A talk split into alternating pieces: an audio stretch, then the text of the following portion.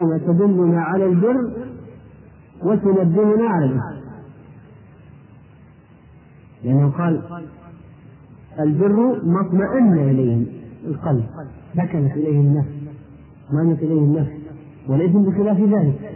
إذا النفس معنى فيها معيار النفس هي معيار لهذا القدرة على التمييز. وهذا من كمال رحمته سبحانه أن جعل في العباد هذه القدرة على التمييز وهم أصحاب الفطر السليمة التي لم تنتهي. وأخبر الله عز وجل في القرآن أن القلوب تطمئن إلى ذكره. فمعناها أن الذكر بالنسبة ذكر الله بالنسبة للقلب شيء يبعث على الطمأنينة والسكينة والانشراح. كما أن النفس تكره وتنكر ولا تقبل النفس السليمة. لا تقبل المنكر يعني لو أخذ واحد نفس سليمة ولا يعلم عن محرمات فقلت له ما حكم نكاح لك؟ يعرف نفس نفس السليمة يعرف هذا. هذا شيء لا يمكن أن تقبل منه. يعرف ويوقف له مثلا البيع والشراء الأشياء المباحة. يعرف فإذا من ناحية المعرفة العامة يوجد شعور يقوى ويخف بحسب إيمان العبد. المعرفة العامة. أما التفاصيل لابد من علم. ما في واحد فترته تنبيه عن عدد ركعات الصلوات ولا عن تفاصيل عدد الرضعات المحرمات. هذا لابد من علم. هذه التفاصيل علم. لكن الأشياء العامة أصحاب الفطر السليمة يهتدون إلى الخير والشر بما أودع الله في نفوسهم هذه الفطرة التي هذا الإحساس يقل يقل ويضعف ويزيد ويكثر بحسب إيمان العبد. ولذلك تجد الواحد من الناس أصحاب العبادات والطاعات يمكن أن يرتاب في شيء بحيث أنه حرام حتى لو ما ساله ويقع في نفسه شعور أنه حلال حتى لو ما ساله طبعا هو ما يبني على هذا الشعور. ما يبني على هذا الشعور هو سيسأل أهل الذكر. لكن المقصود التنبيه إلى أن هذه القدرة في النفس موجودة صاحب الفطرة السليمة وأنها تقوى وتضعف بحسب الإيمان والتقوى. لأن هذا العبادة نور والتقوى نور تكشف للعبد تكشف له هذا العمل هذا الشيء. ولذلك حين الانسان يضطر في موقف واحد ان يتخذ قرارا في مسألة وصعب الفطره السليمه يتخذ القرار الصحيح حيث لو سأل العالم بعد ذلك قال له اصبت فيما فعلت.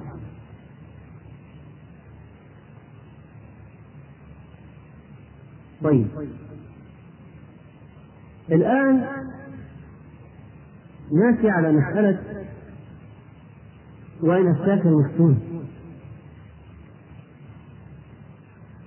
إذا قال في الحديث استفتي نفسك وإن أفتاك المفتون وهذا حديث حسن. استفتي قلبك. في حديث وابص الذي ذكرنا من فيه العلة قال استفتي قلبك المرء مطمئنة إليه النفس وإن أفتاك الناس وأفتوك. وفيه حديث حسن استفتي نفسك وإن أفتاك المفتون هذا متعلق بقضية البر والإثم. تعلقا واضحا. وهو أن الإنسان إذا ما استطاع أن يصل إلى مفتي عنده علم ودين. وصدرت الفتاوى يمينا وشمالا. ما استطاع أن يصل إلى مفتي عنده علم ودين. ففي هذه الحالة ماذا يفعل؟ يستفتي نفسه ونفسه ستدله على القرار الصحيح أما إذا كان يمكن أن يصل إلى مفتي ذو علم وثقة ما في هنا مجال أن يستفتي قلبه ويعمل بما يرى فإذا قضية استفتاء النفس هذه تكون متى؟ لما يعدم الإنسان مفتي الثقة وكذلك تكون عندما يرى الإنسان مفتين يفتون بالهوى بالهوى. فإذا استفتى نفسه عرف الحقيقة. كذلك لو غير السؤال وأتى بمعلومات أخرى وانتزع فتوى من المفتي بالإباحة. فإنه في قرارة نفسه يعلم أن هذا باطل وأن هذا جواب المفتي لا يغير شيئا. هو في قرار نفسه يعلم هذا. فإذا ليس المقصود باستفتاء النفس واستفتاء القلب الحديث سيمر معنا فيما يستقبل إن شاء الله. وليس المقصود الإنسان يترك العلماء ويستفتي نفسه لا. لكن في القضية عندما يعزم العالم الثقة يستفتي نفسه. يصل إلى البر والإثم نفسه تدل على هذا. كذلك لو احتار واضطرب بين أقوال المسكين ما عرف أيها الراجح؟ هنا في مجال الاستفتاء النفس هذا عبارة عن تحري يعني يتحرى الحق يتحرى أيها أقوى أيها أقرب إلى الصواب. هنا في مجال استفتاء النفس إذا وجد الأقوال احتار واضطرب ولا يدري من يقلد ولا ولم يعرف أعلمهم كي يقلده. ما عرف؟ أو تساوت الحجج في نظره والأدلة. هنا ممكن في دور لاستفتاء القلب استفتاء النفس. أما واحد يصل إلى عالم ثقة يتركه ويقول استفتي نفسي والحديث يقول استفتي نفسك لا. لأن لابد في فهم النص أن يجمع كل النصوص الأخرى في الموضوع. يجمع كل النصوص الأخرى في الموضوع. ما نأخذ نص واحد يقول خلاص؟ يقول استفتي نفسك استفتي بنفسي وما وجدت شبهة ولا حرج افعل هذا جهل هذا لا يجوز. طيب. فإذا الله سبحانه وتعالى جعل في النفس فطرة تهتدي وتعرف الإثم والبر. ومما يقام الإثم والبر المعروف والمنكر. لماذا سمي المعروف معروفا؟ تعرفه الفطرة السليمة. ولماذا سمي منكرا؟ تنكره الفطرة. السليمة يعني من الأسباب ولا هو الأصل ما عرفه أقره الشرع وما أنكره الشرع هو المعروف والمنكر. لكن أيضا من الأشياء مما يقابل البر والإثم المعروف والمنكر. وأن اسم المعروف واسم المنكر يدل على أن النفس السليمة تعرف هذا وتنكر هذا. تعرفه بإقرار تعرف أنه صحيح وتنكر هذا أنه إثم وباطل طيب.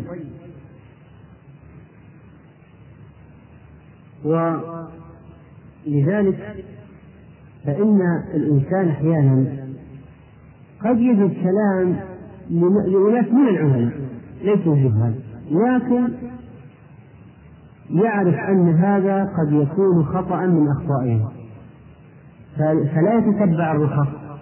لا يقلد في كتب أهل العلم يدور الرخص ويقول إيه؟ هذا قال بإباحة البيع الفلاني هذا قال بإباحة النبيذ الفلاني هذا قال ب... فيقول خلاص هؤلاء مسكين أفتوا بهذا. نقول لا. ما يجوز أن تتبع الرخص. واعلم أن هناك شيء يقال له زوجة الحكيم. كما جاء عند كما جاء عند أبي داود والحديث صححه الشيخ ناصر. طبعا موقوفا على معاذ بن جبل من كلام معاذ بن جبل. ونصه يقول عن أبي بنت الخولاني أن يزيد بن عميره وكان من أصحاب معاذ بن جبل أخبره. قال كان يعني معاذ.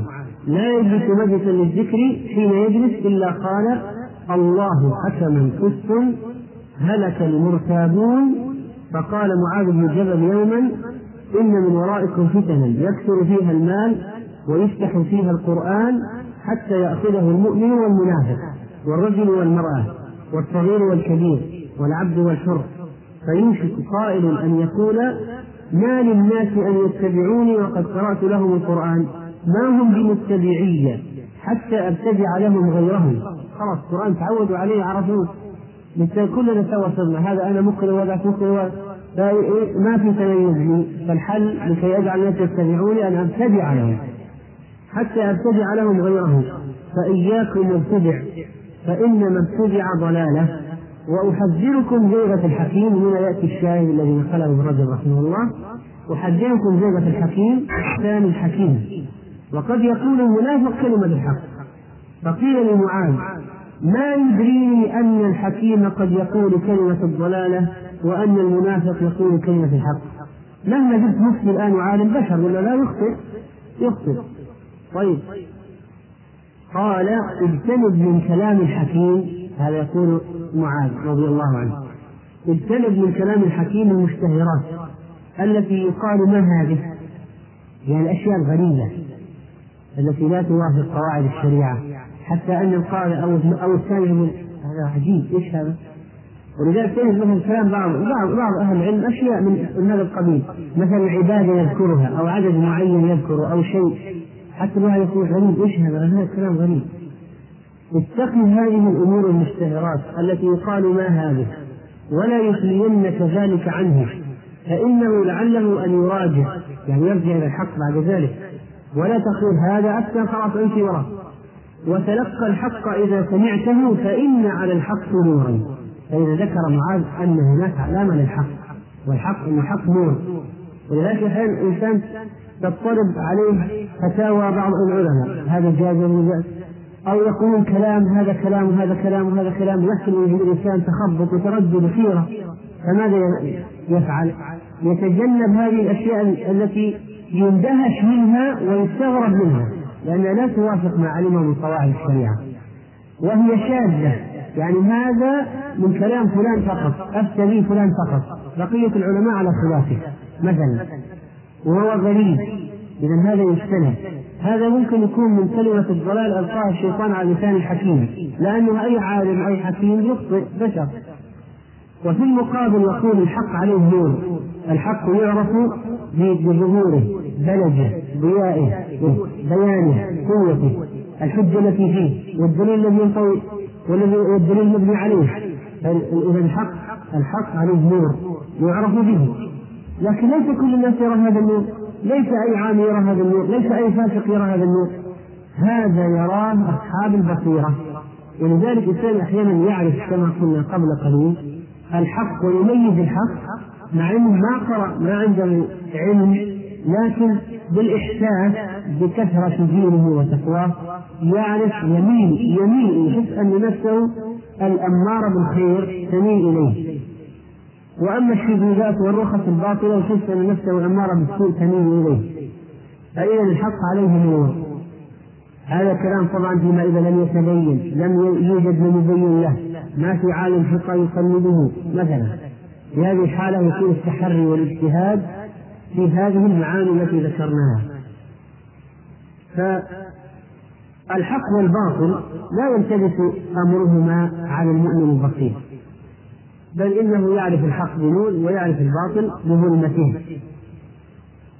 وقد جاء قد جاء حديث عن النبي صلى الله عليه وسلم وهو سيكون في آخر الزمان قوم يحدثونكم بما لم تسمعوا أنتم ولا آباؤكم فإياكم وإياهم.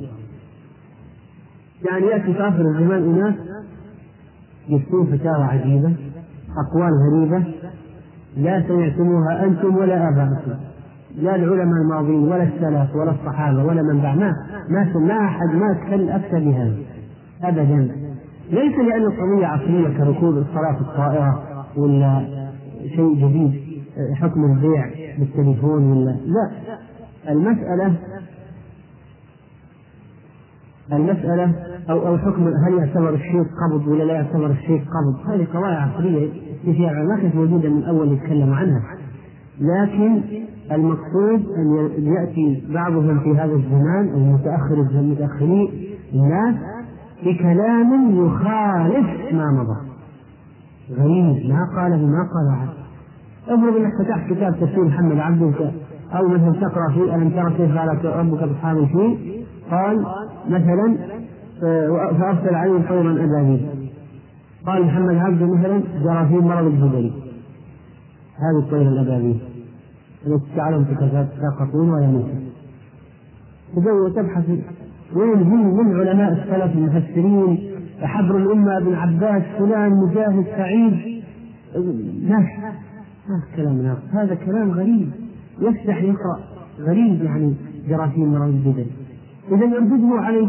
ويعلم أنها من ترهاته ولا ولا تستمع له. فيكون في آخر الزمان قوم يحدثونكم بما لم تسمعوا أنتم ولا آباؤكم فإياكم وإياهم. من هل يفسرون القرآن الآن بأشياء في الإعجاز العلمي أشياء ما ذكرها السلف وخالفوا فيها خالفوا فيها. ما ما تسمعوا ما سمع لا أنتم ولا آباؤكم. تفسير جديد للقرآن. تفسير جديد. شر النفاثات في العقد الطائرات النفاثة شيء جديد. ما سبق لا أحد قاله ولا فضرب بينهم بشور له باب باطنه في رحمة ظالم قبل عذاب المكيفات كونديشن هذا المكيف لا سمعنا ولا لا أنتم ولا آباؤكم. ما في. خلقناكم أطوارا يعني أميبا خلية واحدة وبعدين برمائي زواحف برمائيات وثدييات وقرد وإنسان. يعني ما سمعت ما سمعت أنتم ولا آباؤكم. فهذا أردن لكن المشكلة الناس يريدون الشيء الجديد ينبهرون به. يقولون عرفنا ابن عباس كلام معروف مجاهد. كل الناس يعني معروف هذا. يبغى شيء جديد يعطونا أشياء جديدة. يريد إثارة متعة شيء. يعني تهفو اليه النفوس. فلا عليك بالأمر العتيق وإياك وإياهم. عليك بالجادة ادع هذه الانحرافات كثير من الناس في هذا الزمان يريدون هذه الأشياء الجديدة. يريدون الأشياء المثيرة يريدون الأشياء المخالفة للسلف. يقول كلام السلف كله مع عرفناه يشبه بعضه بعضا ويكرر كل واحد عبارات الآخر وينقلون من بعض وهكذا يقول. نريد أشياء جديدة لابد نطور الدين. فلذلك يخرجون علينا في هذا الزمان في هذه القضايا. فهذا الذي يحذر منه عليه الصلاة والسلام. قضايا مثلا الربا ضرورة عصرية. هذا كان كلام قديم. ما هل صار شيء آخر الآن؟ علم آخر. صارت علوم وصارت عوالم وصارت اختراعات وتطورات. فهذا ما الذي قال به تحليل تحليل الربا عموما يعني بهذا الشكل؟ ما في احد لا من آبائنا وأجدادنا ما أحد قال بهذا. ما ما طلع فيه إلا الآن. اذا إياكم وإياهم. فما استقر عند المؤمنين. مع تقادم العهد وتفاول الزمان فهو الحق. خذ بالشيء الذي أجمعوا عليه اتفقوا عليه. تواترت الفاظها تتابعت عليه. هذا هو الحق. أما ما أحدث بعد ذلك مما يستنكر فاتركه وأرمي به عرض الحائط. اقذفه في البحر. طيب. قال الإثم ما في الصدر وكرهت أن يطلع عليه الناس. ذكرنا تفسير هذا. والبر ما اطمأن إليه القلب وشرح إليه الصدر. فيه مقولة جاءت عن عبد الله بن مسعود. يعني حول هذا المعنى قضية ما عرفه الناس وما أنكره الناس. وهي قوله رضي الله عنه ما رآه المؤمنون حسنا فهو عند الله حسن. وما رآه المؤمنون قبيحا فهو عند الله قبيح. هذا الحديث ذكره الشيخ أورده الشيخ الألباني في السلسلة الضعيفة آه، ليتعقب من نسبه النبي عليه الصلاة والسلام أنه لا أصل له مرفوعا. لكن الحديث ثابت موقوفا عن ابن مسعود. ورد موقوفا عن ابن مسعود قال ابن مسعود إن الله نظر في قلوب العباد. فوجد قلب محمد صلى الله عليه وسلم خير قلوب العباد فاصطفاه لنفسه فابتعثه برسالته. ثم نظر في قلوب العباد بعد قلب محمد صلى الله عليه وسلم فوجد قلوب أصحابه خير قلوب العباد فجعلهم وزراء نبيه يقاتلون على دينه. فما رأى المسلمون حسنا فهو عند الله حسن وما رأى المسلمون سيئا فهو عند الله سيء. قال الشيخ وهذا إسناد حسن. وله مناسبة هذا الكلام لابن مسعود.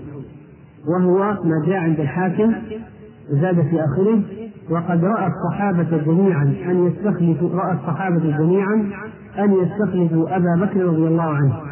وقال صحيح الإسناد ووافقه الذهبي وقال السخاوي هو موقوف حسن. هو موقوف حسن. إذا لاحظ الآن لما نعرف سبب المقولة توضح الصورة ما رأى المسلمون حسنا فهو عند الله حسن وما رآه المسلمون سيء فهو عند الله سيء قال ابن مسعود في أي مناسبة؟ استخلاف أبي بكر. رآه المسلمون حسنا إذا هو حسن. ثم من المقصود بالمسلمين؟ في كلام ابن مسعود من المقصود بالمسلمين؟ الصحابة. لأن هذه المقولة يا جماعة قد احتج بها أناس على مسألة الاستفتاء الشعبي. يعني أنه مثلا نريد أن نقرر هل الربا حلال ولا حرام. نسوي استفتاء بين المسلمين. فإذا قال المسلمون أنه الأغلبية يعني قالوا أنه جائز إذا هو جائز.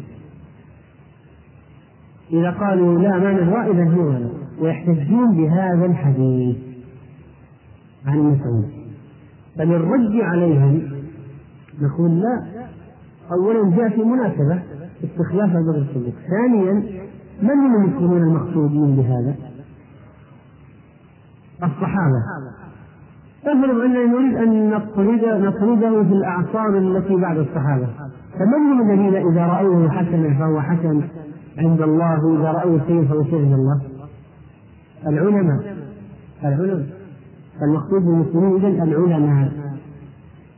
وقد احتج بكلام مسعود أيضا من قال إن هناك بدعة حسنة. قال بدعة حسنة لو رأى المسلمون أن هذه ما فيها شيء إذا هي حسنة. أنه هناك بدعة حسنة.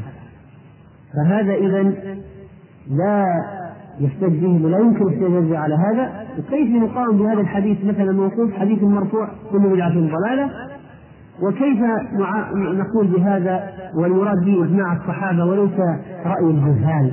ممن يستفتي الآن ألف مليون مسلم منها كثير منهم جهال بالشريعة والعلماء معدودون بينهم ونقول خلاص ما دام رأى 99% من المسلمين تسعة من عشرة المسلمين أن هذا يعني صحيح ولا هو صحيح. لا استدلال مسعود على إجماع الصحابة على انتخاب بكر الصديق. طبعا آه، قد يكون تخلف علي وهذا ثم بايع فيما بعد. نعم أو صار هي عند الأنصار لكنهم رجعوا وما أجمعوا على إجماعهم على خلافة عثمان. يعني إجماع إجماع الذي حصل على خلافة عثمان أقوى من الإجماع الذي حصل على خلافة غيره. ما اجتمعت الأمة على خليفة مثل كاجتماعهم على عثمان من الأربعة. هذا معروف تاريخيا مثال. فلما رأى اجتماع المسلمين على أبي بكر الصديق قال هذا الكلام ليبين حجيته. يعني بعض الناس تكلموا بعض المنافقين تكلموا وحصل كلام في قضية بيعة أبي بكر الصديق وهذاك اللي قال فلته فالمهم هذا يبين المسألة أن المسألة في مناسبة معينة. ولا صحة لما يقول بعضهم ما رآه للمسلمون حسن هذه أن الاستغراق أن تستغرق كل أفراد المسلمين خطأ. وإنما هذه أن العهدية. وأن العهدية يعني الشيء المعهود عند السامع والمتكلم على شيء معين. فمن هم؟ المقصود الصحابة. يعني لما تكلم به ابن مسعود وقال رأى المسلمون حسن هذه أن العهد. يعني الذي يفهمه ابن مسعود الذي في ذهن ابن مسعود والذي يفهمه السامع لكلام ابن مسعود في ذلك الوقت المقصود به من؟ الصحابة طيب وبناء على ذلك فإن لا يمكن الاستدلال بها على قضية أن هناك بدعة حسنة و يتبين معنى هذه العبارة ما رأى المسلمون حسن فهو عند الله حسن وما رأى المسلمون فهو عند الله سيء. طيب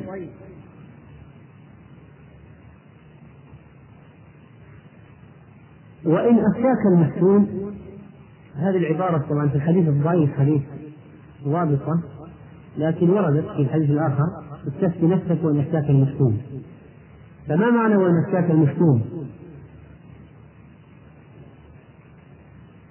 لا متى لا يبالي الإنسان بفتوى المسكين؟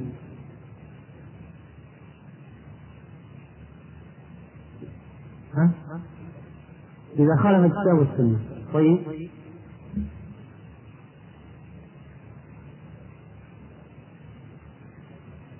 نعم, نعم، مثلا إذا يعني لم يخبره بحقيقة المسألة وإنما لبس على الشيخ المفتي فأخذ منه الجواب. متى لا يبالي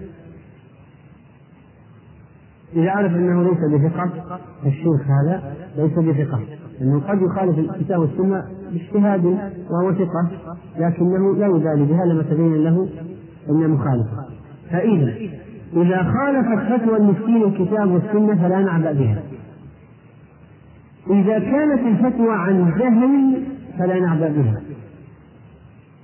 إذا كانت الفتوى عن هوى وميل أراد بها المفتي التزلف إلى المستفتي.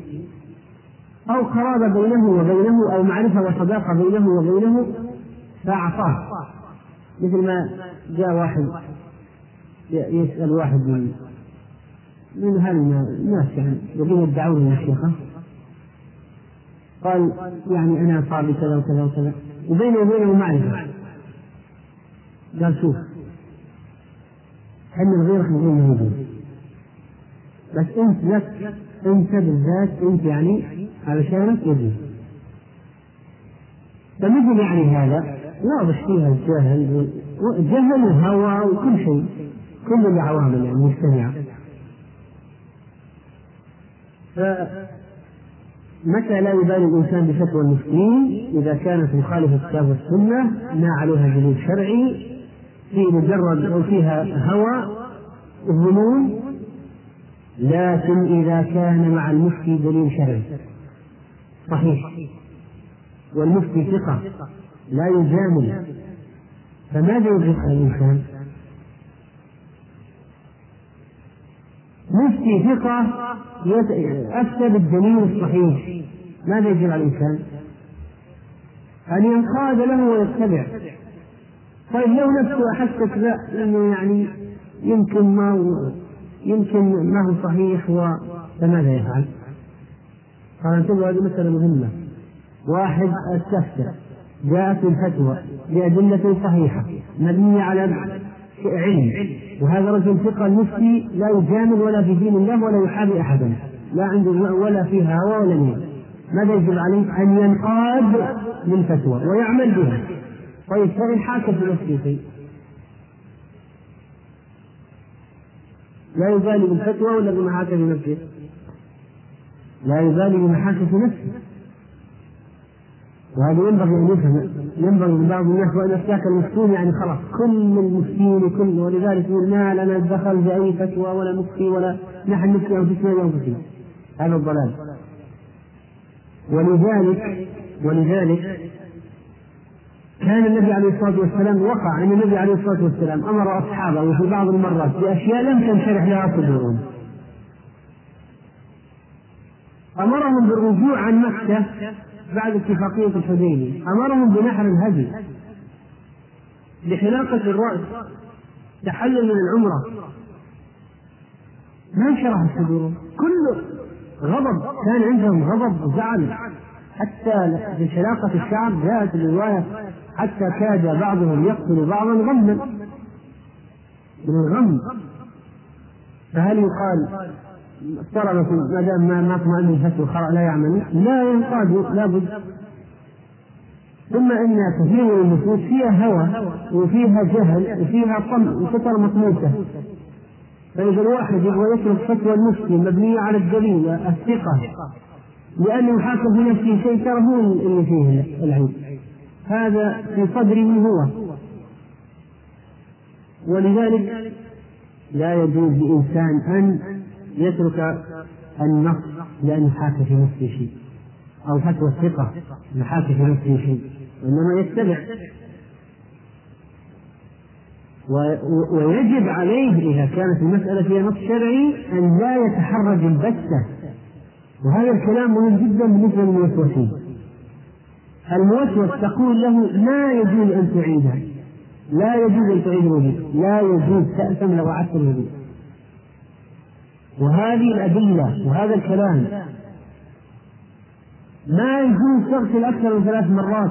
الدليل قوله عليه الصلاة والسلام فمن زاد عن الثلاث يعني فمن عن الثلاث فمن زاد فقد أساء وتعدى وظلم. يقول لك مثلا في نفس شيء متحرك. أخشى يكون ما ما أتقنت. ما أخشى يكون طهارة غير صحيحة. فهل يعتبر هذا بما حكى في نفسه؟ لا يعتبر شيء. لا يعتبر شيء بتة وهذا قضية حكى في نفسه بالنسبة للموسوسين هذه كثيرة جدا. وكذلك الجهال والناس اللي انفسهم أنفسهم بأنفسهم على عقل ماجي هذا موجود كثير جدا. فإذا فلا وربك لا يؤمنون حتى يحكموك فيما شجر بينهم ثم لا يجدوا في أنفسهم حرجا مما قضيت ويسلموا تسليما.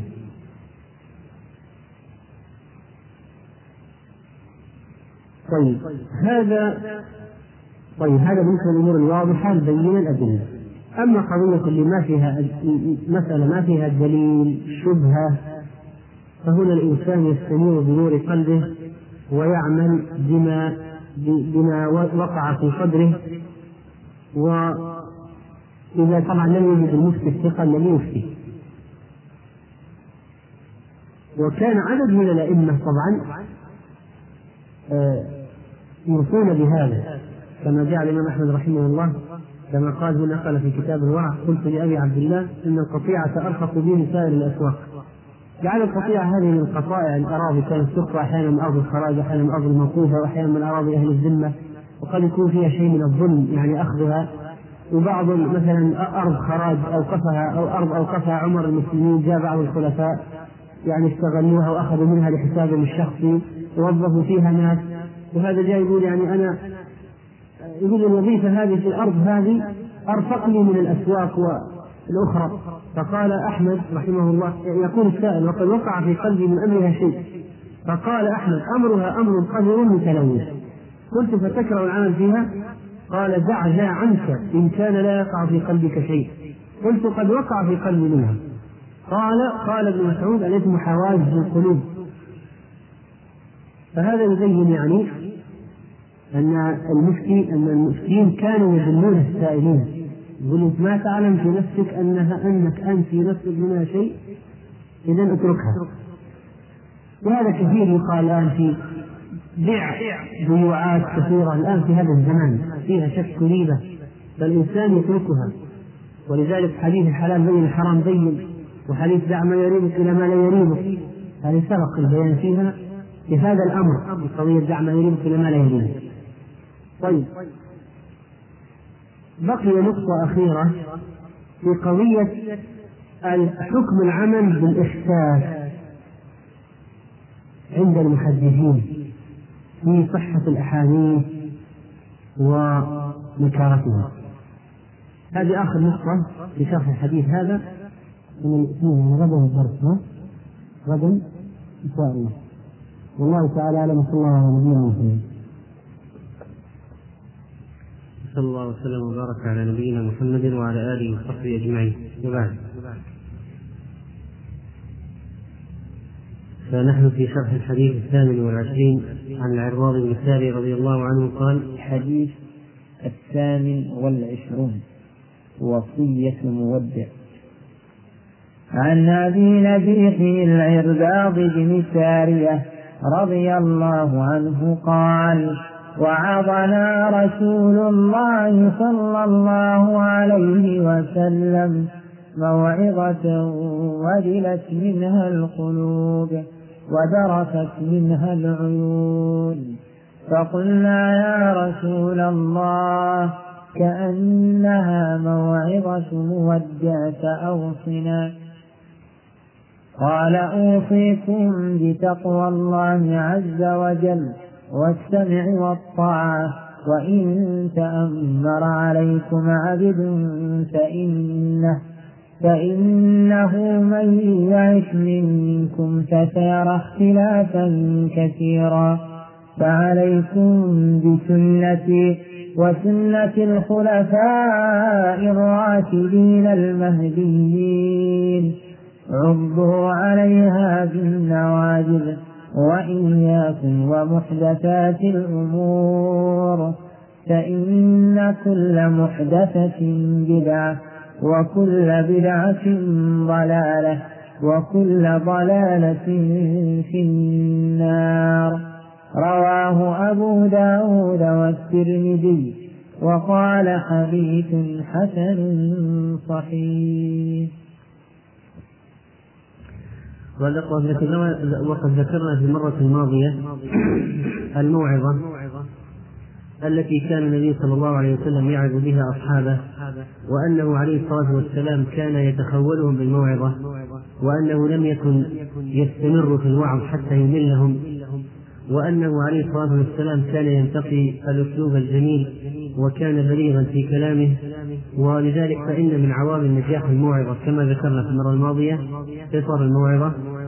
الأسلوب البليغ فيها إيصال المعنى إلى قلوب السامعين بأحسن صورة وكذلك أن ينتقي الأيام فلا يملهم والنبي وكذلك الانفعال أثناء إلقاء الموعظة كما كان النبي صلى الله عليه وسلم إذا ألقى الموعظة إذا ألقى الموعظة فإنه عليه الصلاة والسلام يتغير كما جاء في حديث جابر كان النبي صلى الله عليه وسلم إذا خطب وذكر الساعة اشتد غضبه وعلى صوته واحمرت عيناه كأنه منذر جيش يقول صبحكم ومساكم.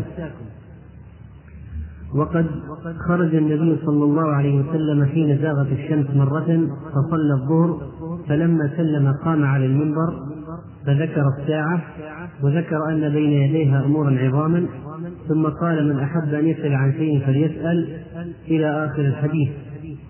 وكذلك جاء في الصحيحين عن النبي صلى الله عليه وسلم أنه كان يذكرهم يقول اتقوا النار وأشاح ثم قال اتقوا النار ثم أعرض وأشاح ثلاثا حتى ظننا أنه ينظر إليها يعني إلى النار. ثم قال اتقوا النار ولو بشق تمرة فمن لم يجد فبكلمة طيبة. وكان عليه الصلاة والسلام إذا خطب يذكرهم بأيام الله حتى يعرف ذلك في وجهه. وكأنه نذير قوم يصبحهم الأمر غدوة كأنه ينزل قوما فيحل عليهم أو سيأتي إليهم العدو في الصباح وهو يحذرهم. يعني كان تحذيره صلى الله عليه وسلم بليغا وكان يعرف يعرف في وجهه.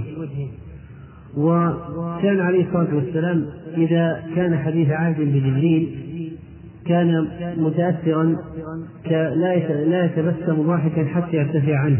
وورد في رواية أنه إذا ذهب عنه ذلك يعني كان يذكرهم بالعذاب فإذا ذهب عنه ذلك رأيته أطلق الناس وجها وأكثرهم ضحكا وأحسنهم بشرا وحسن إسناده الهيثمي رحمه الله تعالى. و الموعظة كما ذكرنا ينبغي أن يتخول فيها الناس ولا يكثر عليهم ولا يعظ يوميا حتى لا يمل. وفي قوله وفي قول الراوي في هذا الحديث ذرفت منها العيون ووجلت منها القلوب. هذه الموعظة ذرفت منها العيون ووجلت منها القلوب. هذان الوصفان وجل القلب ودمع العين من الأوصاف التي امتدح الله بها سبحانه وتعالى امتدح بها المؤمنين الذين يتأثرون. ووجل القلب ودمع العين دليل على التأثر والتأثر دليل على صفاء القلب الذي يدل على وصول الإيمان فيه. قال الله عز وجل في وصف المؤمنين إنما المؤمنون الذين إذا ذكر الله وجلت قلوبهم. إذا ذكر الله وجلت قلوبهم. فتصاب بالخوف والاضطراب و التأثر من ذكره سبحانه وتعالى. وقال الله عز وجل وبشر المخبتين الذين إذا ذكر الله وجلت قلوبهم. وقال ألم يأن للذين آمنوا أن تخشع قلوبهم لذكر الله وما نزل من الحق؟ ولذلك إذا تليت عليهم آيات القرآن تغير حالهم. قال الله عز وجل الله نزل أحسن الحديث كتابا متشابها مثاني. كتابا متشابها مثاني. تقشعر منه جلود الذين يخشون ربهم.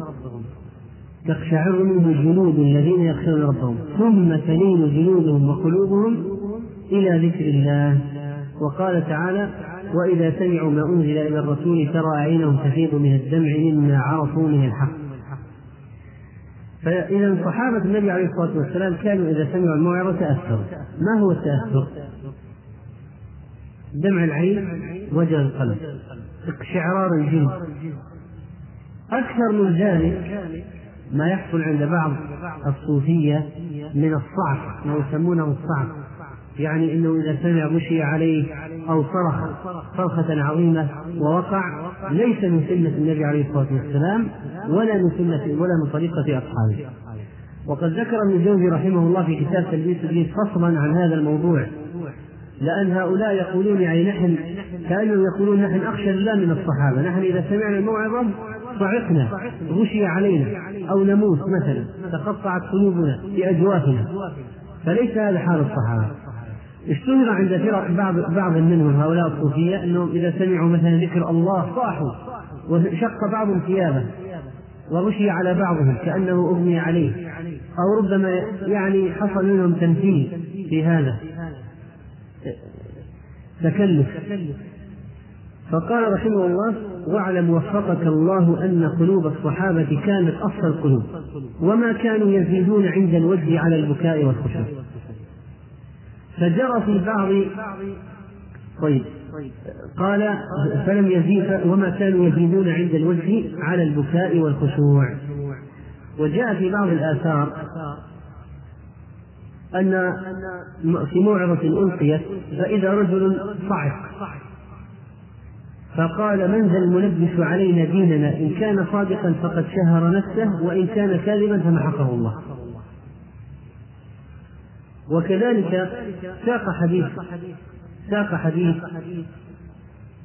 الحديث الذي نحن بصدده وحديث أن الصحابة كانوا كانوا إذا حد وعظهم النبي صلى الله عليه وسلم. حديث العرباض موعظة ذرفت منها العيون ووجدت منها القلوب.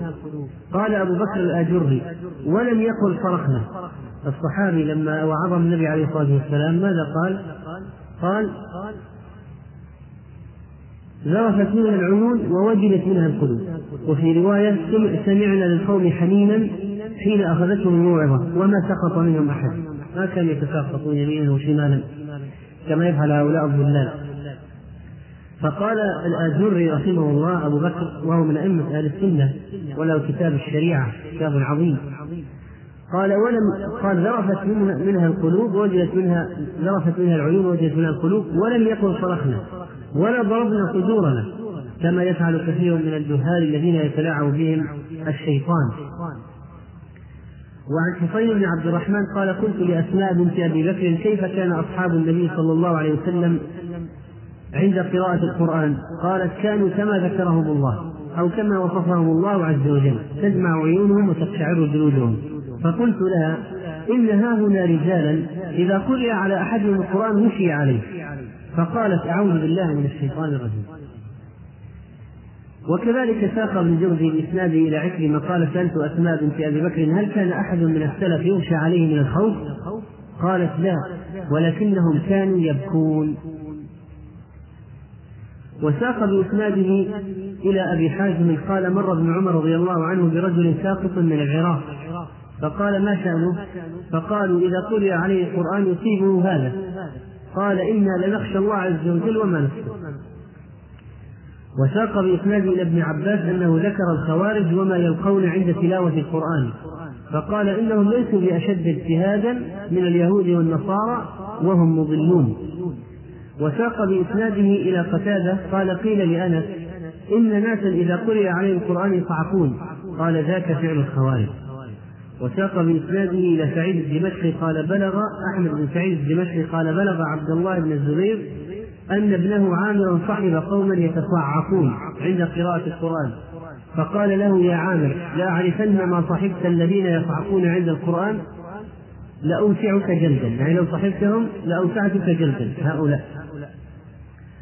وساق بإسناده إلى عن عامر بن عبد الله بن الزبير قال جئت إلى أبي فقال لي أين كنت؟ فقلت وجدت أقواما ما رأيت خيرا منهم يذكرون الله عز وجل فيرعد أحدهم حتى يخشى عليه من خشية الله عز وجل فقعدت مع فقعدت معهم قال لا تقعد معهم بعدها فرآني كأني لم آخذ ذلك لم يأخذ ذلك في يعني ما ما كأني ما اقتنعت بالكلام فقال رأيت رسول الله صلى الله عليه وسلم يتلو القرآن ورأيت أبا بكر وعمر يتلوان القرآن ولا يصيبهم هذا. أفتراهم أخشع لله من أبي بكر وعمر؟ فرأيت أن ذلك كذلك فتركتهم.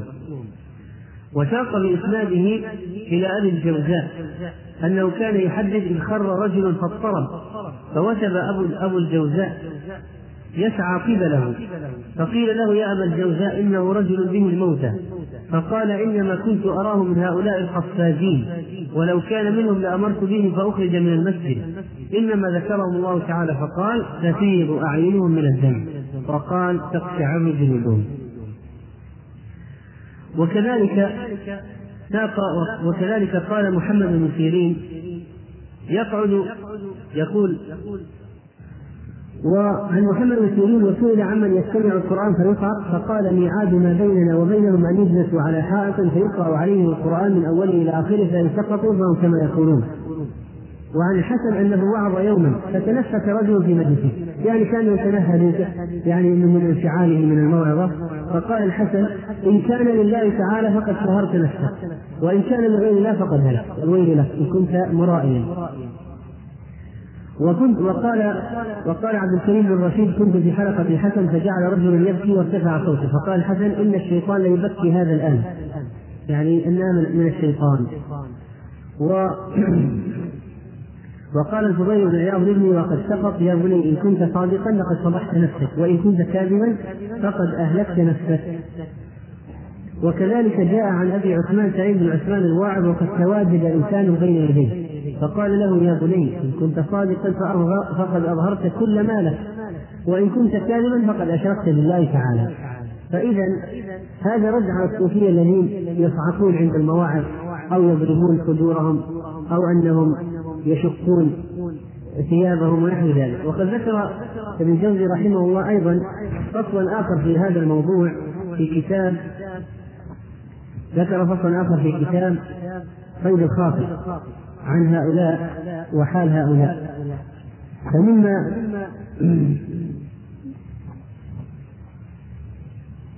فمما ذكره عن حالهم قال تأملت أشياء تجري في مجالس الوعظ يعتقدها العوام جهال العلماء قربة وهي منكر وبعد وذلك أن المقري يعني هذا الواعظ أو قال القرآن يطرب ويخرج الألحان إلى الغناء. والواعظ ينشد بتطريب أشعار المجنون وليلة. فيصفق هذا ويخلط ثوبه هذا ويعتقدون أن ذلك قربة. يعني كان من ضلالهم يأتون بأشعار بأشعار مجنون ليلى وشوء قيس ليلى ويقرؤون ويطربون الأشعار ويلحنون ويظهرون هؤلاء السامعين التأثر يظهر السامعون التأثر ويصيحون ويقعون قال ابن الجوزي ومعلوم أن هذه الألحان كالموسيقى توجب طربا للنفوس ونشوة. والتعرض لما يوجب الفساد غلط عظيم. فإذا ممكن الموسيقى والألحان تؤثر بالنفس تاثير بليغ حتى الإنسان ممكن يعني ممكن إنه يطيش لكن يطيش من من خشية الله؟ لا. وإنما يطيح من أثر اللحم. وهذا كثير يعني يقع في فيه حتى الذين يستمعون الموسيقى الغربية تجد أنهم يغشى عليهم يعني يطيحون من شدة اللحن والموسيقى والألفاظ والصياح والكلمات فإنهم يطيحون. و ولذلك عندهم عندهم أنواع من الموسيقى منها التي تسمى موسيقى موسيقى الروك وهي مشهورة. هذه صارت فتنة في ربما يعني في في الثمانينات أو السبعينات يعني أو الثمانينات كانت فتنة.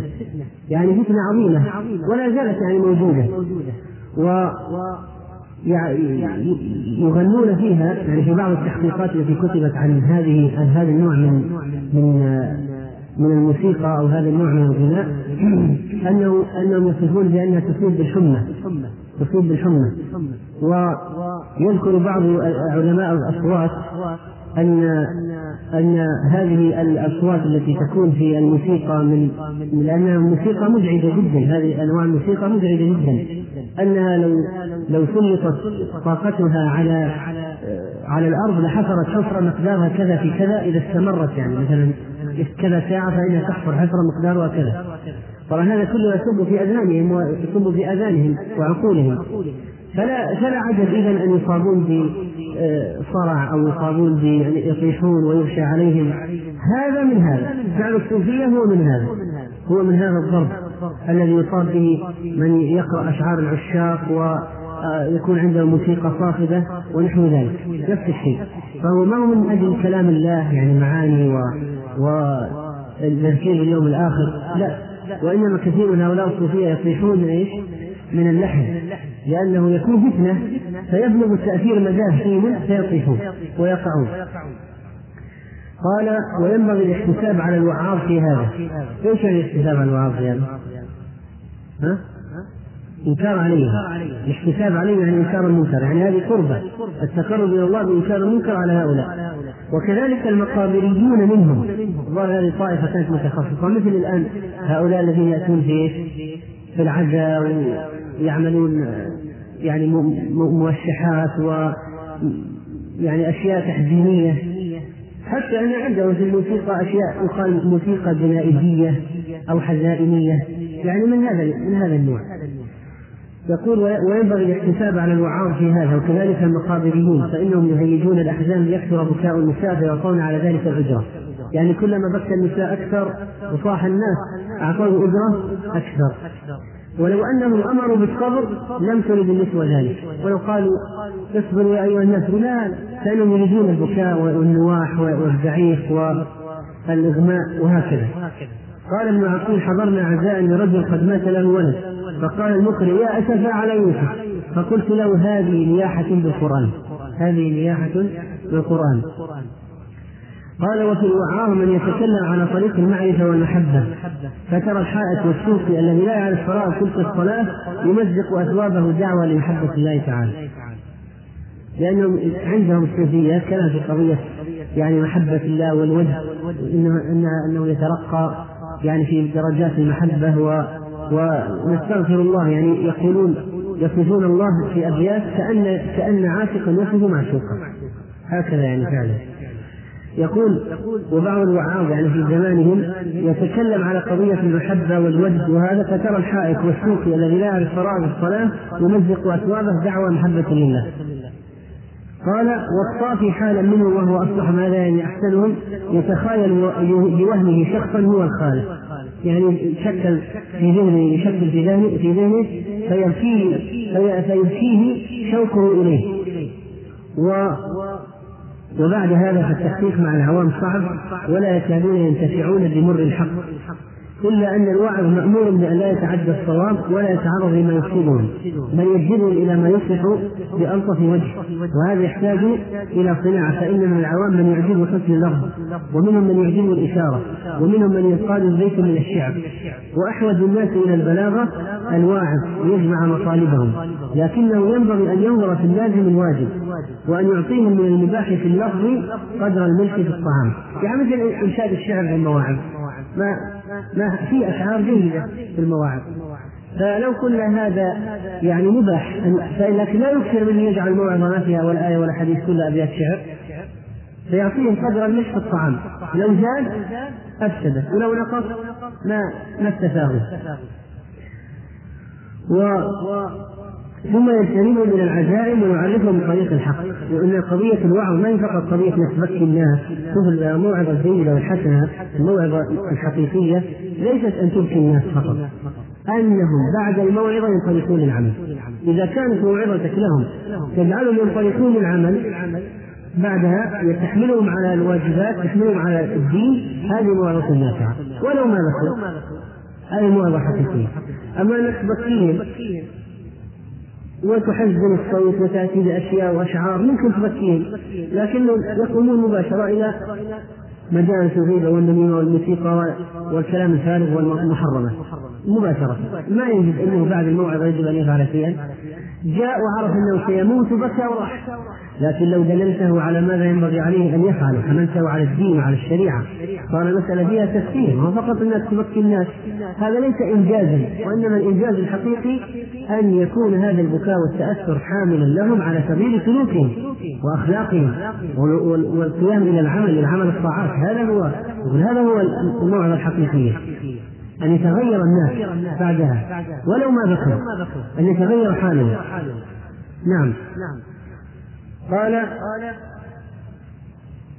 وقد حضر أحمد بن حنبل فسمع كلام الحارث المحاسبي فبكى ثم قال لا يعجبه الحضور وإنما بكى لأن الحال اوجبت البكاء.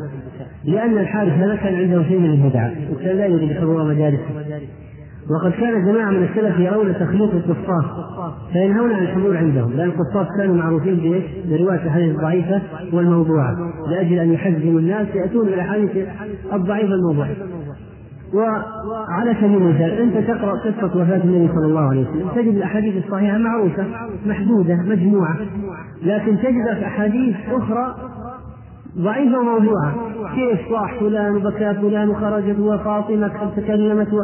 يعني بأشياء غير موجودة في الأحاديث الصحيحة. فيقولون نحن نحبب الناس في النبي صلى الله عليه وسلم. نحن نحزنهم نحزنهم في وفاته نحن نشعرهم بالمصيبة ونحن ندفعهم إلى البكاء و... فنقول لكن يجب أن يكون إذا كانت النية طيبة إذا كان الهدف طيب يجب أن يكون الوسيلة صحيحة. ولا ولا يقال أنت محسن إذا كان هدفك طيب مهما استخدمت من الوسائل ولو كانت حيث ضعيفة وموضوعة ومكذوبة المهم أن تحشد ما, ما تحشد ما, ما تريد لأجل أن تبكي الناس هذا خطأ هذا ليس من منهج السلف. قال وقد وهذا على الإطلاق لا يحصل اليوم. لأنه كان الناس في ذلك الزمان متشاغلين بالعلم. فرأوا حضور القصص صادا له. هذا رأي ابن الجوزي يقول يعني أيام السلف كان العلم منتشر. كان حضور مجالس الوعاظ هؤلاء القصاص الذين يدون حديث ضعيف الموضوع. ما ضيعت وقت؟ وسماع؟ يستفد قال أما اليوم في زماننا يقول عم الجهل وقست القلوب. نحتاج إلى وعظ. يعني يكون نحتاج إلى وعظ. واليوم كثر الإعراض عن العلم فأنفع ما للعام مجلس الوعظ يرده عن ذنب ويحركه إلى توبة. وإنما الخلل في الخاص فليتق الله عز وجل. فإذا هذا بالنسبة لمسألة ما ينبغي على الواعظ أن يفعل بمنهج الوعظ و نقد طريقة الصوفية في الوعظ والقصاص الذين يأتون بالمكذوب أو أنهم يقربون ويحزنون فيتساقط الناس ويتأثرون للحم وليس للمعنى. وليس للمعنى. ونختم الكلام مع مسألة الموعظة الواردة في هذا الحديث وهي وعظ النبي صلى الله عليه وسلم موعظة. بذكر يعني بعض الكلمات التي أشار إليها رحمه الله في صيد الخاطر يعني تنفع الداعية إلى الله لأنها تفهم السبب. يقول لماذا يعني السؤال لماذا الناس يتأثرون لحظة الموعظة؟ فإذا خرجوا من الموعظة زال الأثر. قبلها وبعدها ليسوا بمتأثرين. لحظتها متأثرين. فما هو السبب في هذا التأثر اللحظي؟ لماذا يكون التأثر لحظيا؟ قال رحمه الله قد يعلم عند سماع المواعظ للسامع يقظة. يعني كأنه نائم وأيقظته بالموعظة ذكرته بالجنة والنار والقبر والعذاب والحساب. ذكرته. وغضب الله وعذاب الله. فإذا انفصل عن مجلس الذكر عاد في الخطوة والغفلة.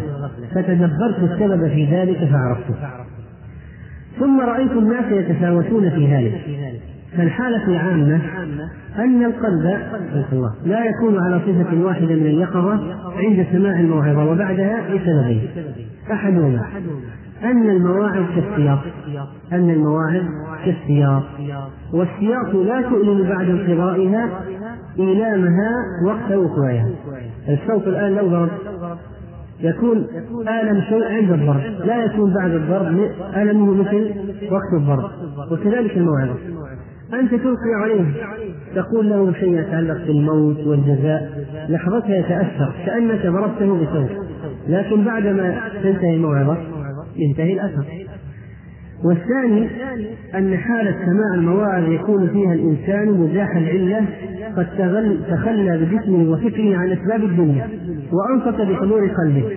فإذا عاد إلى الشواغل جاء في المسجد مفرغ ما عنده شيء. لا زوجة تشغله ولا أولاد ولا مال ولا تجارة لا يبيع ولا يشتري ولا مجلس نميمة ولا غيبة. الناس منصتون كأن على رؤوسهم الطير فمن الطبيعي أنك لما تحدثهم في هذه الحال ما عندهم شواغل وصوارف أنهم ينصتون ويتأثرون فإذا عاد إلى الشواغل اجتذبته بآفاتها. وكيف يصح مع تلك الجواذب أن يبقى كما كان؟ يعني ما يمكن. قال وهذه حالة تعم الخلق. إلا أن أرباب اليقظة يعني الناس الناس الذين عندهم دين يتفاوتون في بقاء الأثر. يعني منهم من يبقى أثر الموعظة عنده يوم منهم من يبقى أسبوع منهم من يبقى شهر أثر الموعظة. ففي قياس الإيمان على بقاء الأثر الموعظة. كلما كان أثر الموعظة بقي أكثر فترة أطول كلما دل ذلك على قوة الإيمان. فمنهم من يعزم بلا تردد يمضي خلاص. مثلا تاب الموعظة ما عاد لا, لا رجع إلى تدخين ولا إلى غناء ولا إلى اختلاط ولا إلى سفر محرم. أقلع عن كل شيء. من الموعظة تأثر دائم أقلع عن كل شيء. تغيرت حاله. تغير منه تغيرت طريقته في الحياة. خرج خرج من الموعظة عازم بلا تردد ويمضي من غير انتهاء. فلو توقف به ركب الطبع لضج كما قال حنظلة عن نفسه نافق حنظلة. يعني حتى لو جاء الشيء الطبيعي يمل نفسه. يقول ربما الزوجة والأولاد هؤلاء يشغلون عن ذكر الله فيقولون مثل حنظلة نافق حنظلة.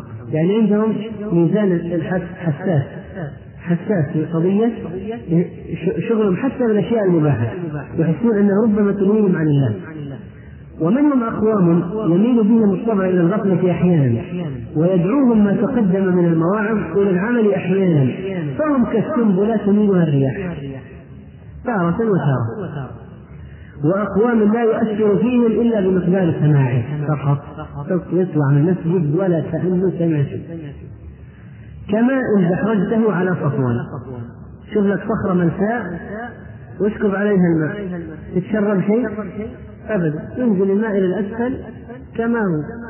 الماء الذي تكفله نزل ما في تشرب مطلقا. وهذا حال بعض الناس في مسألة المواعظ.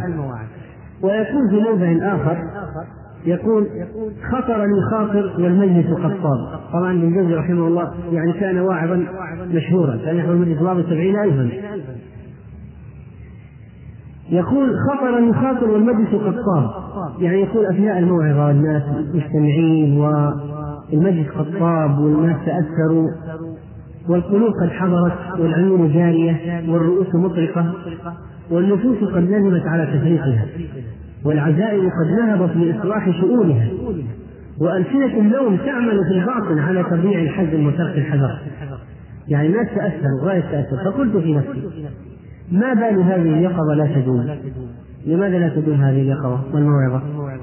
فإني أرى النفس واليقظة في المجلس متصادقين متصافيين اليقظة والنفس مع بعض. فإذا قمنا عن هذه التربة المكان وقعت الغربة وراحت اليقظة خلت النفس. أو راحت النفس خلت اليقظة. فتأملت ذلك فرأيت أن النفس ما تزال متيقظة والقلب ما يزال عارفا غير أن القواطع كثيرة. والفكر يكل من استعماله في اغتياب الدنيا وتحصيل حوائج النفوس. والقلب منغمس في هذه الملذات أو تحصيل الدنيا والبدن أسير مستخدم حسب القلب. وبين الفكر يجول في اجتناب الطعام والشراب والكسوة؟ وينظر ماذا يدخر الغد وماذا يفعل؟ إذا هو مهتم بخروج الفضلات تحتاج إلى النكاح. وإذا نكح علم أنه لا لا بد من إنفاق فراح يكتسب. لذلك العلماء العلماء يضعون كتاب البيوع باكتساب يقولون يعني يكتسب ثم ينكح يتزوج. يعني يضعون النكاح والبيوع مع بعض في الفقه. ليش؟ لأن في مناسبة. إنه ينكح أو يحتاج إلى كسب أو إنه يبيع ويشتري فيتوفر عنده المال فيتزوج.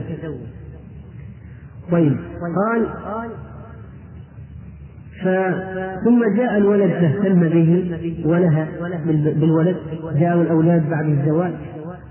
وإذا الفكر عامل في أصول الدنيا وفروعها بيع وشراء الأولاد وزوجات وهكذا. فإذا حضر الإنسان المجلس فإنه لا يحضر جائعا ولا حاقدا. ما يجيك جائع يتألم من الجوع ولا كان ما جاء أصلا. يأتي وهو مرتاح يعني من جهة الطعام يعني شبعان ولا حاقلا يعني حصره بالبول أو أنه يريد أن يذهب إلى قضاء الحاجة ما يأتيك المجلس هكذا. يأتيك مفرغ نفسه من يعني شبعان ريان ليس به دافع لقضاء الحاجة بل يحضر جامعا لهمته. ترى هذا من أسباب ليش تكون الموعظة مؤثرة وقتيا؟ يعني وقت الموعظة يتأثر الناس. لماذا؟ قال لأنهم حال الموعظة جاي متفرغين جمعوا قلبهم على على هذه الموعظة وعلى الإتيان للمجلس وعلى الانتفاع والاستفادة وعلى السماع. يحضر جامعا لهمته ناسيا ما كان من الدنيا فيخلو الوعظ بالقلب فيذكره ويجذبه فينهض عمال القلب فيحضرون النفس إلى باب المطالبة بالتفريط ويؤاخذون الحس فتجري عيون الندم وتنعقد عزائم الاستدراك فيقول يعني هذا الذي من أسباب تأثر الناس في الموعظة. تأثر الناس في الموعظة. وعلى أي حال يقول ثم أنني تفكرت أن الناس لو دائما متأثرين هذا التأثر دائما. دائما ما ينسون ولا يسهون ولا يذنبون لأصاب نفوسهم العجب والغرور فهلك. يعني من حكمة الله أن الواحد يذنب لأن الذنب يمنعه من إيش؟ من الشعور بالاغترار قال لو أن نفوسهم دائما يعني على دائما في طاعات ربما أصابها الغرور والعجب فهلك هلكت من باب آخر ما هو من باب؟ الزنا والخمر والكذب والفحش إنما هلكت من باب العجب والغرور. هذه بعض المسائل المتعلقة بقضية الوعظ الواردة في هذا الحديث. الذي انطلقنا منه من من قول الصحابي وعظنا رسول الله صلى الله عليه وسلم موعظة ذرفت منها العيون ووجهت منها القلوب. ثم ننتقل الآن إلى طبعا هذه الموعظة كانت موعظة مودع يعني كانت قرب وفاته يفهم منها أنه كانت قرب وفاته ولذلك قالوا كأن الموعظة مودع فأوصل يدل على أنه عليه الصلاة والسلام أبلغ في تلك الموعظة ما لم يبلغ في غيرها. فلذلك فهموا أن موعظة موجهة لأن الموجه يستقصي ما لا يستقصي غيره. ولذلك أمر النبي عليه الصلاة والسلام المصلي أن يصلي صلاة موجة لأن الذي يشعر أن صلاة موجة آخر صلاة يحسنها ويزينها أحسن شيء وربما كان وقع منه صلى الله عليه وسلم تعريض في تلك الخطبة بالتوديع كما عرض بذلك في خطبته. هذا الاحتمال الذي أشرنا إليه. قبل قليل يعني كأنه عرض فيها بقرب الفراق ففهم إنه خطبة مودع. كما أنه قال في خطبة حجة الوداع لا أدري لعلي لا ألقاكم بعد عامي هذا. هذه كلمة؟ لا مغزى ولا لا. لعلي لا ألقاكم يعني هو يحس بدنو اجله فعلا إنه قد لا السنة القادمة لا. لا يحج وطفق يودع الناس ولذلك سميت حجة الوداع. ولما رجع من مكة والمدينة وعظ الناس لما رجع من الحج. وقال يا أيها الناس إنما أنا بشر يوشك أن يأتيني رسول ربي فأجيب. وحض على التمسك بكتاب الله ووصى لأهل بيته. هذا حديث غدير خم الذي عمل ابن الرافضة عمايل. ونسجوا عليه أشياء كثيرة جدا من الباطل والكذب. وكلماته كانت معروفة محدودة في هذا. أوصانا بكتاب الله وبأهل بيته. وقال لهم إنما أنا بشر يعني أنا بشر. أموت كما يموت البشر. سيدنا النبي عليه الصلاة والسلام صلى على قتل أحد ذهب إليه صلى عليه ثم صعد المنبر كالموجه للأحياء والأموات فقال إني فرطكم على الحوض فإن عرضه كما بين أيلة إلى الجحفة. أيلة مدينة معروفة الجحفة موضع معروف. يعني مسافة كبيرة بينهما وإني لست أخشى عليكم أن تشركوا بعدي ولكن أخشى عليكم الدنيا أن تنافسوا فيها وتقتتلوا. فتهلكوا كما هلك من كان قبلكم.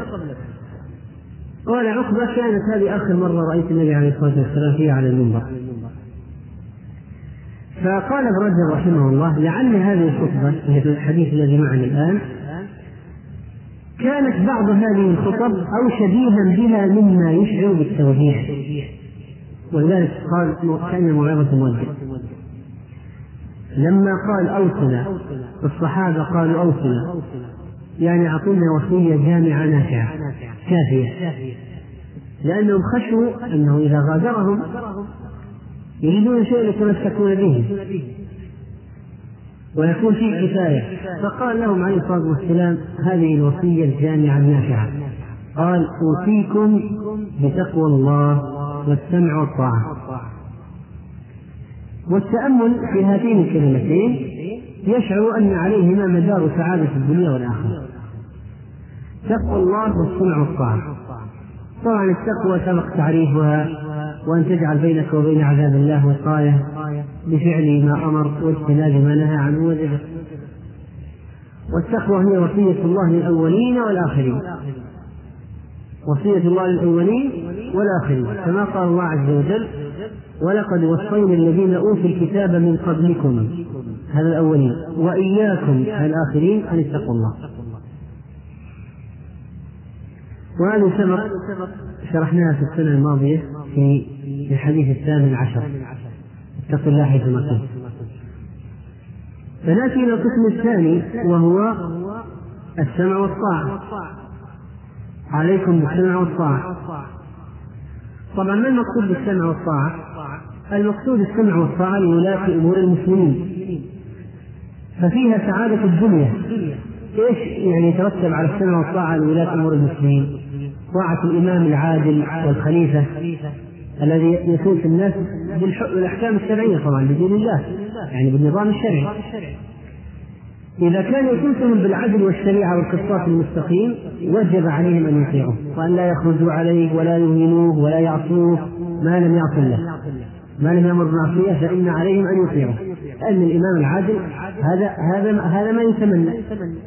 والخلافة ما ينتظم أمر المسلمين إلا بها.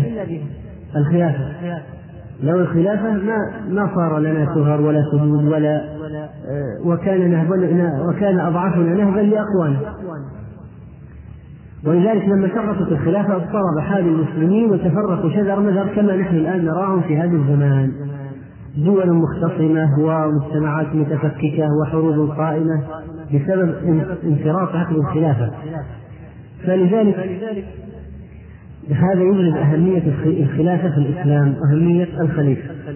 فإذا كان الخليفة والإمام يحكم بأمر الله لا يجوز الخروج عليه ولا يجوز إهانته ولا سبه بل ولا الدعاء عليه.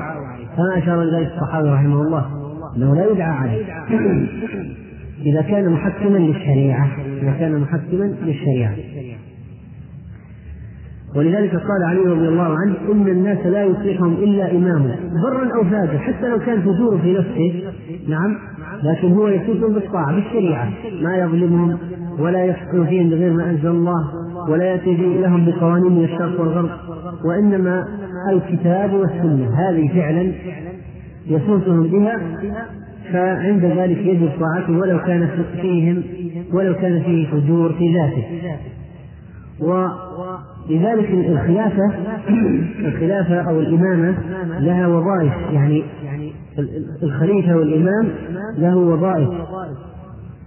كما قال العلماء فصلوا ذلك قالوا يعني واجبات في واجبات الإمام قالوا منها استيفاء الحقوق المالية وصرفها في مصالحها الشرعية مثل الزكاة يأخذها يصرف المصالح الشرعية. وبيت المال موارد بيت المال. وكذلك فيؤخذ له الجزية والخراج والعشور والغنائم والكيف يدخل بيت مال المسلمين بإشرافه تصرف بإشرافه. وكذلك فإنه يختار الأكفاء لكي يكونوا ولاة للمسلمين في الأماكن المختلفة وهو الذي يعقد القيادة للجيوش الإسلامية. ومن مهمات الخليفة والإمام العادل أنه يحاسب أنه يحاسب من ولاهم على الناس يحاسبهم عمر كان كان عنده نظام عجيب في المحاسبة يأتي به بمن ولاه على مكان منطقة كل فترة يحاسبه ويجرد ما عنده ما له وما عليه وإذا من أين لك هذا؟ وكان لا يولي واحد فترة طويلة في مكان ينقلهم من أماكن إلى أخرى. وإذا خشي أن يفتن الإنسان بواحد عزله وهكذا وصار يعني عند عند عمر كان قضية محاسبة الولاة في غاية الدقة ولذلك انتظمت الأمور في الممالك الإسلامية كلها في عهد رضي الله عنه.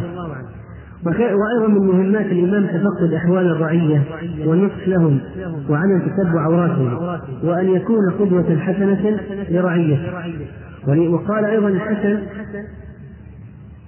في ولاة الأمور إنهم يلون خمسا الجمعة يعني كان خليفة والإمام هو الذي يخطب الجمعة والجماعة والعيد والثغور والحدود. الثغور حماية الثغور اللي على أطراف المملكة الإسلامية من من هجمات الأعداء. وكذلك وكذلك الحدود تطبيق الحدود الشرعية وإقامة الحدود. قال والله لا يستقيم الدين إلا بهم وإن جاروا وظلموا. والله لما يصلح الله بهم أكثر مما يفسدون. مع أن والله مع أن والله إن طاعتهم لغيظ وإن فرقتهم لكفر. طاعتهم غير للعدو لأن العدو إذا إذا رأى المسلمين مجتمعين على إمام عادل ورجل واحد طبعا لا شك أنه غيظ للعدو. طيب. و إذا بهذين الأصلين النبي عليه الصلاة والسلام وصى بتقوى الله والسمع والطاعة. بتقوى الله والسمع والطاعة. وكذلك في خطبة الوداع ماذا قال؟ قال يا أيها الناس اتقوا الله وإن أمر عليكم عبد حبشي مجدع مقطع الأطراف قطع اليدين والرجلين فاسمعوا له وأطيعوا ما أقام فيكم كتاب الله فأما إذا حكم فيه بغير ما أنزل الله حكم فيه بالقوانين الفرنسية والإيطالية والألمانية وجاء من الشرق والغرب وكما فعل هذا هولاك لما جاب لما أتى بالياسق الياسق هذا كتاب أخذ فيه تعليمات من القرآن والإنجيل والتوراة وجمع دستور. قال هذا جمعت من الأديان السماوية. وضع أشياء مما كان عليه. يعني هو في الجاهلية وما كان عليه. يعني المجوس. جمع أشياء فيه وحمل الناس عليه. طبعا لا شك أن هذا كفر. ما بعده كفر. يعني حمل الناس على القوانين الوضعية كفر أكبر. لا شك أن التشريع لهم من قانون الوضعي جعل مواد القوانين مخالفة لشريعة الله.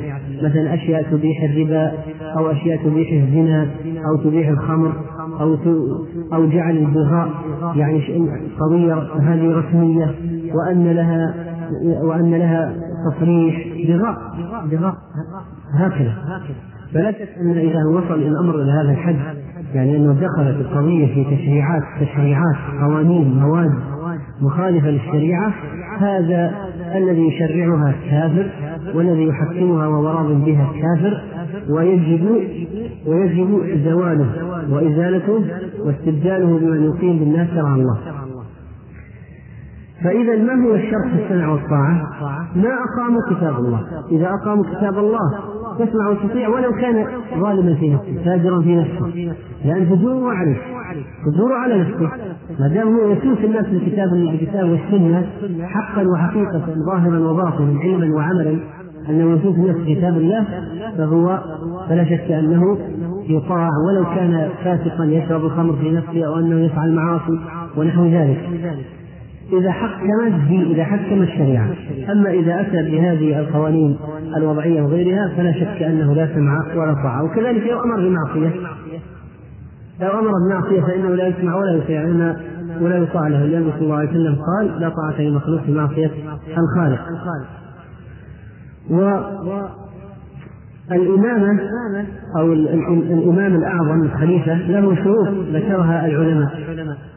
فمن شروط الإمام؟ شروط الإمام؟ طبعا نحن سننطلق سنتكلم المسألة هذه من انطلاقة من؟ من قوله في الحديث. قوله والسمع والطاعة وأن تأمر عليكم عبد. عبد عبد. فهل إذا تأمر العبد يسمع له ويطاع؟ هل هو يعني كيف كيف يعني؟ هل يدل هذا على أن الخليفة والإمام ممكن أن يكون عبدا؟ يقول اسمعوا وأطيعوا ولو تأمر عليكم عبد. احتج بهذا من يقول بإيش؟ بجواز إمامة العبد. قالوا يعني لو صار عبد تأمر تملك وصار له الملك والخلافة أنه يسمع ويطاع. فهل تجوز؟ هل يجوز؟ وإلا لا يجوز. فهنا سننتقل إلى قضية بيان شروط الإمام. ما هي صفات شروط الإمام في الشريعة الإسلامية؟ طبعا الآن سنتكلم عن إيش الامامه العظمى وهي الخلافة الامامه العظمى. وليس ان واحد يصير مثلا قائد جيش ولا يصير قاضي ولا يتولى ولاية محدودة فرعيه لا نتكلم عن قضية الولاية العظمى. من هو الإمام؟ الإمام الذي يطاع كلمة الإمام هذه. ما هي شروط الإمام في الشريعة؟ أولا الإسلام. ما يجوز أن يكون كافرا. لو كان تارك الصلاة بالكلية لو كان لا يطبق شرع الله أو يعتقد أن شرع غير الله أفضل من شرع الله طبعا هذا كافر. فهذا لا لا يصلح أن يكون إماما البتة لماذا؟ يقول الله عز وجل ولن يجعل الله للكافرين على المؤمنين سبيلا. ما يجعل لهم سبيل هذا شرعا. ما يجعل لهم سبيل ما يمكن أن يولى كافر على مسلم. طيب. وكذلك لما قال وأولي الأمر منكم يعني منكم أنتم المسلمين لو كان كافرا فإذا ليس هو منكم. إذا لا ينطبق عليه قول الله عز وجل اطيعوا الله والرسول وأولي الأمر واطيعوا الله واطيعوا الرسول وأولي الأمر منكم. طيب الشرط الثاني البلوغ. ما يجوز أن يكون صغيرا غير بالغ لأن القلم مرفوع عن الصبي حتى يبلغ والله سبحانه وتعالى قال لا تؤتوا السفهاء أموالكم. كيف يؤتيه الولاية العظمى؟ إذا كان غير بالغ. طيب. و قال ابن حزم وجميع فرق أهل القبلة ليس منهم أحد يجيز إمامة امرأة ولا إمامة صبي لم يبلغ إلا الرافضة فإن تجوز إمامة الصغير ولا عبرة في مخالفته. قلت وكذلك الخوارج. القائل النقل من كتاب الإمامة العظمى برسالة الدكتوراه التأليف الشيخ عبد الله بن عمر الدميري طيب الشرط الثالث العقل طبعا فلا يولى مجنون هذا شيء طبيعي. رفع القلم عن المجنون حتى يفيق. فكيف يتولى أمر؟ كيف يكون في أمور مجنون طيب الشرط الرابع الحرية. فلا بد أن يكون الإمام حرا والخليفة وليس بمملوك. وليس بمملوك. وهذا أمر قد انعقد عليه الإجماع. ونقل البطال عن المهلب قال وأجمعت الأمة على أنها يعني الإمامة لا تكون في العبيد لا تكون في العبيد. وقال الشيخ رحمه الله لا خلاف في هذا بين العلماء على أن الإمام ما تكون بين العبيد. ولم يشد عن الإجماع إلا الخوارج فإنهم جوزوا أن يكون الإمام عبدا. وشذوذ الخوارج لا يعتد به ولذلك ما يدخلوا في الإجماع مثل ما فعل وهب الزحيري لما جاب أقوال هؤلاء ترد أقوال الفقهاء فيما هذا إيش اسم الكتاب؟ ها؟ لا. الفقه الإسلامي وأدلته. هذا وضع الأباضية والجعفرية والخوارج وضع وضع وضعهم مع مع يعني مع الأقوال. هذا من أقوال الفقه الإسلامي. يقول هذه مجالس الفقه الإسلامي وهذه أدلته. هذا من شواطئه مع أنه جمع يعني جمعه يعني جمع موسوعي كرجل لكن منهج فيه انحراف. طيب. الآن نأتي إلى هذا الحديث. لو كيف الإجماع انعقد على أن الإمام لا يجوز أن يكون عبدا والحديث يقول اسمعوا وأطيعوا وإن تأمر عليكم عبد وإن كان عبد ولو كان عبدا حبشيا ولو كيف؟ الجواب أجاب العلماء عن هذا بأجوبة عن هذا الحديث الذي نحن الآن بصدده في قضية صفات صفات الإمام أو شروط الإمام. قالوا إن أولا إنه قد يضرب المثل بما لا يقع في الوجود عادة كإطلاق العبد الحبشي لأجل المبالغة في الأمر بالطاعة وإن كان لا يتصور ذلك شرعا مثل قول الله عز وجل قل إن كان للرحمن ولد كان أول العابدين. يعني مبالغة الطاعة والعبودية لله. توضيح المسألة. إقرار المسألة تقرير المسألة. لو كان له ولد مع أنه مستحيل أن يكون له. طيب هذا جواب الجواب الثاني. قالوا إن المراد العبد بالعبد الحبشي أن يكون مأمورا من جهة الإمام الأعظم على بعض البلاد أو على إمارة منها أو على جزء وليس هو الإمام الأعظم. وهذا يدل عليه حديث إيش؟ الأئمة من قريش. هذا الذي على انه يجب ان يكون قرشيا. الأئمة من قريش أبرارها أمراء أبرارها وفجارها أمراء فجارها. ولكل حق فآتوا كل ذي حق حقه وإن أمرت عليكم قريش عبدا حبشيا مجدعا فاسمعوا له وأطيعوا. قال ابن رجب إسناده جيد. إذا هذا العبد هذا وش معين من قبل القرشي الخليفة وليس هو بذاته خليفة. فإذا هذا له إمارة جزئية. فإن فإن ولي عليكم من قبل الخليفة القرشي فاسمعوا له وأطيعوا وهذا قد يكون أجود الوجود. الوجه الثالث أن يكون أطلق عليه اسم العبد نظرا لاتصافه بذلك سابقا. لكنه لما صار خليفة أو صار كذا فهو حر. لكن سابقا كان يوم من الدهر يعني خليفة. الرابع أن يكون متغلبا. لا مختارا. يعني لو جاء وتغلب باصطلاح العبد هذا صار أعلى نفسه خليفة وفرض الواقع. وإعلان شق الطاعة عليه يبيح دماء مسلمين وتذهب فيها أشياء خلاص فرض نفسه وحكم الشعب حكم الشعب عند ذلك يسمع المسلم لكن لو كانت مسألة ابتداء يراد اختيار خليفة أو انتخاب خليفة ما يختار العبد. لكن جاء فرض نفسه جاء بالسلاح والجيش وجاء وفرض نفسه. خلاص. لو تخرج عليه تسبب ذلك في إراقة دماء المسلمين. هنا ينطلق الحديث عليه. وهذا أيضا جواب لا بأس لا بأس به. وإن كان الوجه الثاني هو الأحسن. والشرط الخامس أن يكون ذكرا ولا خلاف بين العلماء.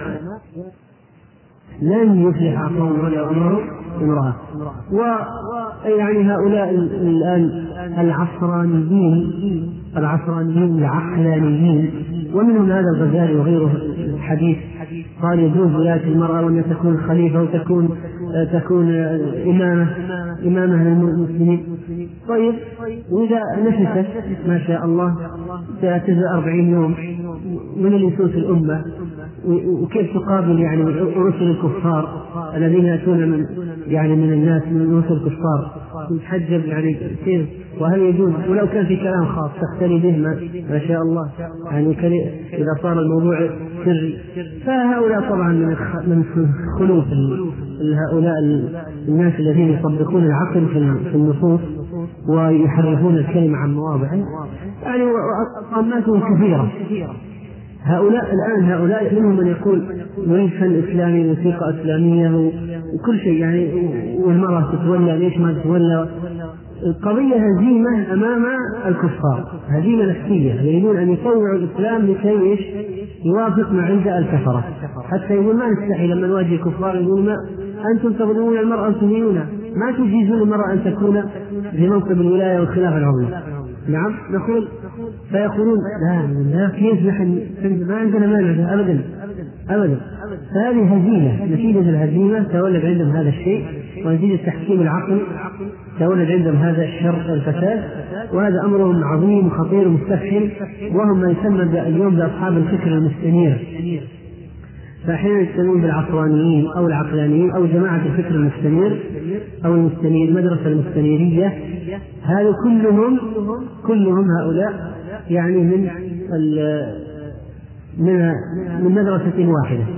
وفيهم من هو من المنظرين يعني ينظرون لهم. وفيهم من هو صحفي مثل فهمي اليهودي اسلوب صحفي لا يعتبر من المنظرين لكنه يروج لافكارهم ولكن منهم من هو منظر يعني في هذه القضايا ومؤسس فيها. ومنهم من هو يأخذ من هذا ومن هذا يعني يعني شيئا من هنا وشيئا من هنا. فتجد بعض من يروج يروج الآن كتبه على هذا. على اي حال انعقد الإجماع على انه يجب أن يكون ذكرا وكذلك يجب أن يكون عنده علم لكي يسوس الناس فمن شروط الإمام العلم الشرعي. وكذلك من الشروط العدالة. فاذا أراد ينتخب ما ينتخب فاسق ولا فاجر. وكذلك أن يكون عنده كفاءة نفسية وجسمية لأن هذه مهمة ضخمة للقيام بها. والشرط الحادي عشر أن يكون قرشيا.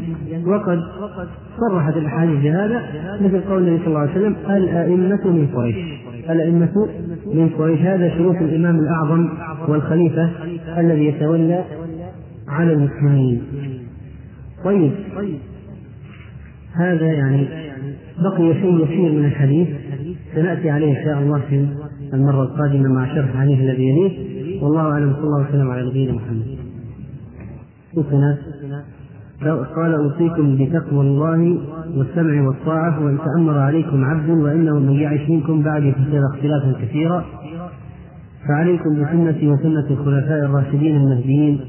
عضوا عليها بالنوادر وإياكم من محدثات الأمور فإن كل بدعة ضلالة. رواه أبو داود الترمذي وقال حديث حسن صحيح.